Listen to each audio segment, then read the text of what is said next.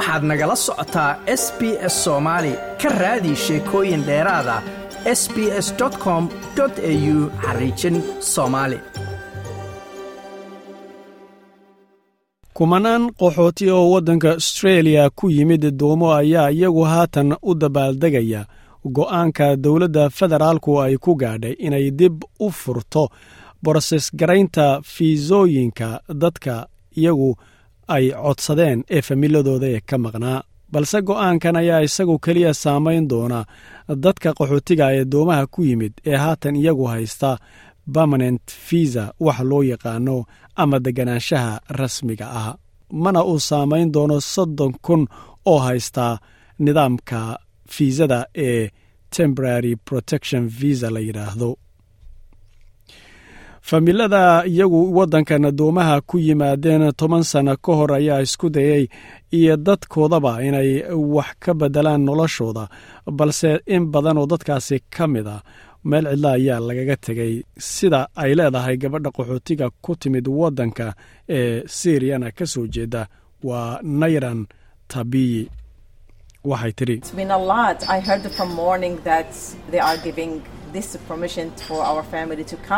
wakhti badan ayay ahayd waxa aan arrintan ka maqlay saaka aroortii inay oggolaansho siinayaan qoysaskayagu inay yimaadaan. Maxaa yeelay bay tidhi wiilashaydu iiraan ayay haatan ku nool yihiin waana sugayaa iyaga in ka badan saddex iyo toban sano ayaanan iyaga ka soo maqnaa ayay tidhi nayran. Isbahaysigii dowladdii horeete maamuli jiray ayaa dadkan doomaha ku yimid culaysyo badan saareen sababo la xidhiidha in ay doonayaan in doomaha dadka ku yimaada aynan soo damcin waddanka austreeliya haatan wasiirka arrimaha socdaalka waddanka austreeliya ayaa si rasmi a isagu u beddelay arrintaasi iyadoo dadka permanent fiisaha haysta ee qaxootiga doomaha ku yimid fursaddan ay haatan haystaan.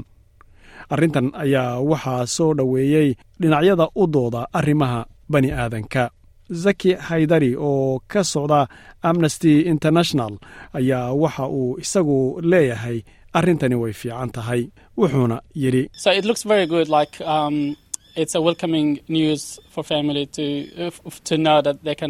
Arrintani waxay u muuqataa inay wanaagsan tahay waana wax la soo dhoweeyo in qoysasku ay maqlaan in ay haatan awood u leeyihiin in ay arkaan qoysaskooda ayna awood u leeyihiin in ay la midoobaan oo isu yimaadaan qoysaskooda sida ugu dhaqsaha badan. Arrintan ayaa waxay qaadaysaa culaysyadii iyo caqabadihii la saaray broses garaynta fiisooyinkan iyo codsiyadan dadka qaxootiguhu ee permanent fiisaha haysta ay gudbisteen mar horeete. Dadka afghanistan iyo iiraan ka yimid ayaana noqon doona kuwa ugu saamaynta badan ee arrintan isbeddelkani uu saameeyo.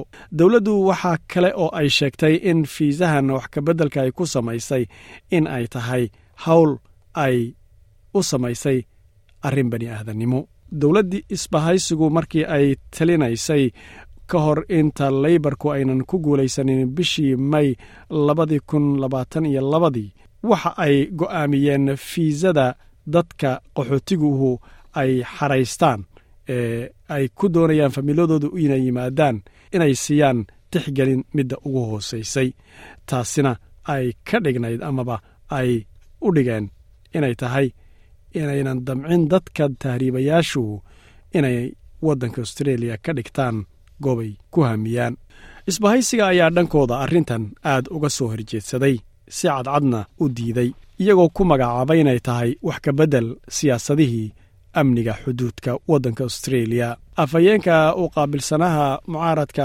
arrimaha gudaha karen andrews ayaa waxa ay tiri xisbigu waxa uu ku taagan yahay siyaasadihiisii horeete waxayna tiri.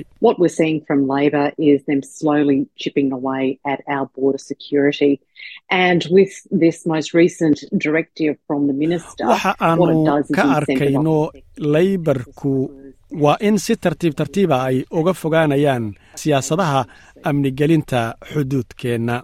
Arrintan haata dhacdaee ugu dambaysay wasiirku uu sameeyeyna waxa ay samaynayso waa in ay ku booridaa kuwa iyagu bani aadanka tahriibiya iyo weliba nidaamka ay ku shaqaysanayaan. Taasina ma aha waxa astreeliyaanku ay doonayaan inay arkaan ayay tidhi. Isbeddelkani wax kastoo uu jiro ayaa nayran gabadhan haatan hadlaysay aynan ka mid noqonaynin. Dadka iyagu codsiyadaasi xaraysanaya oo carruurteeda wiilasha ka maqanna u xarayn kara sababtuna waxay tahay inay haatan haysato fiisa kumeel gaadha. Leybarka ayaa weli aan iyagu ku dhaqaaqin in ay fuliyaan wakhtigii doorashada ballanqaadyadii ay sameeyeen oo ahaa fiisada temberariga in ay meesha ka saaraan oo tirtiraan taasoo haatan haystata amaba caqabad ku ah soddon kun oo qof dad lagu qiyaasay wasiirka socdaalka andrew gailes ayaa waxa uu baarlamaanka u sheegay bishii nofembartii la soo dhaafay in ay jirto niyo in ay oofiyaan. Wixii wacdi ahaa ama ballan ahaa ee ay galeen isagoo hadlayana waxuu yidhi. What Australians want, and indeed what Australia needs in this place, are policies which secure our border but do not abandon our humanity. That is the watchword with which this government approaches waxa australiyaanku ay rabaan. Dhab ahaantii waxa australia ay rabto middan hadday noqoto waa siyaasado ammaan gelinaya xuduudkeenna oo aan isla markaana ka tegaynin bani aadannimada taasina waa shicaarka amaba calaamadda dowladdani ay kala mucaamalayso arrintan markay noqoto. Ogeysiis ku saabsan mustaqbalka fiisahan ayaa la filayaa toddobaadyada soo socda iyadoo laga sugayo in fiisadan kumeelgaadhka ahaa laga bixiyo meesha balse dad badan ayaa waxa ay ku haysaa niyad jab iyo wareer. Amnesty international zaki haydari ayaa waxa uu leeyahay dadka qaarkood ee magangelyadoonka halkan u yimid waddanka australia ayaa waxa ay in badan rafaad u mareen sugitaanka fiisadan in laga qaado. Ilaa iyo amminkan siddeed bilood ayaa jirtay buu yidhi wuxuu ka wadaa dowladdan cusub inta ay waddanka gacanta ku hayso. Ma jira buu yidhi wax dhaqaaqa oo ku saabsan arrinta fiisahan kumeelgaadhka temporary protection fiisaha wax ka beddelkeeda waxa ay tani abuuraysaa buu yidhi niyad jab iyo walwal ama walaac oo bulshada dhexdeeda ah. Waxa oogu dambeeya ee aan anigu aad u nacbahay amaan karaahiyeysanaya inaan arko waa in rajadaasi oo ah in fiisadaasi laga takhalluso ay ka dhammaato dadka qaxootiga ah.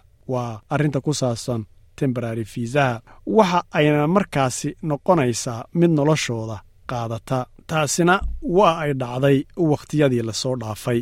Xisbiga greeniska iyo xubno kaleete ayaa waxa ay culaysyo saarayeen dowladda iyagoo ay ka rabaan in waxbeddel macno leh uu soo muuqdo. Zowi daniel oo ah xubin madax bannaan ayaa iyadu arrintan ka hadlaysa waxayna tidhi dowladda waxaan filayaa inay niyad wanaagsan arrintan ka samaysay balse wada sheekaysiga aan la yeelannay wasiirka waxa jawaabahaasi ayna tusayaan inay tahay arrintani aad ayay u tahay mid murgaxsan. Sidaa daraaddeed waxaan filayaa falsafa ahaan haddii aniga iyo xubnaha kale baarlamaanka uhu ay sabirkoodii u dhammaaday. Arrintan marka la eego waxaan fili karaa intee ayay dareemi karaan dadkaasi siyaabaha kala duwan oogu jira fiisada kumeelgaadhka ahaa ayay zawi daniel tiri. Ma doonaysaa sheekooyinkan oo kale ka dhegayso apple podcast google podcast spotify ama meel kasta oo aad bodkastigaaga ka hesho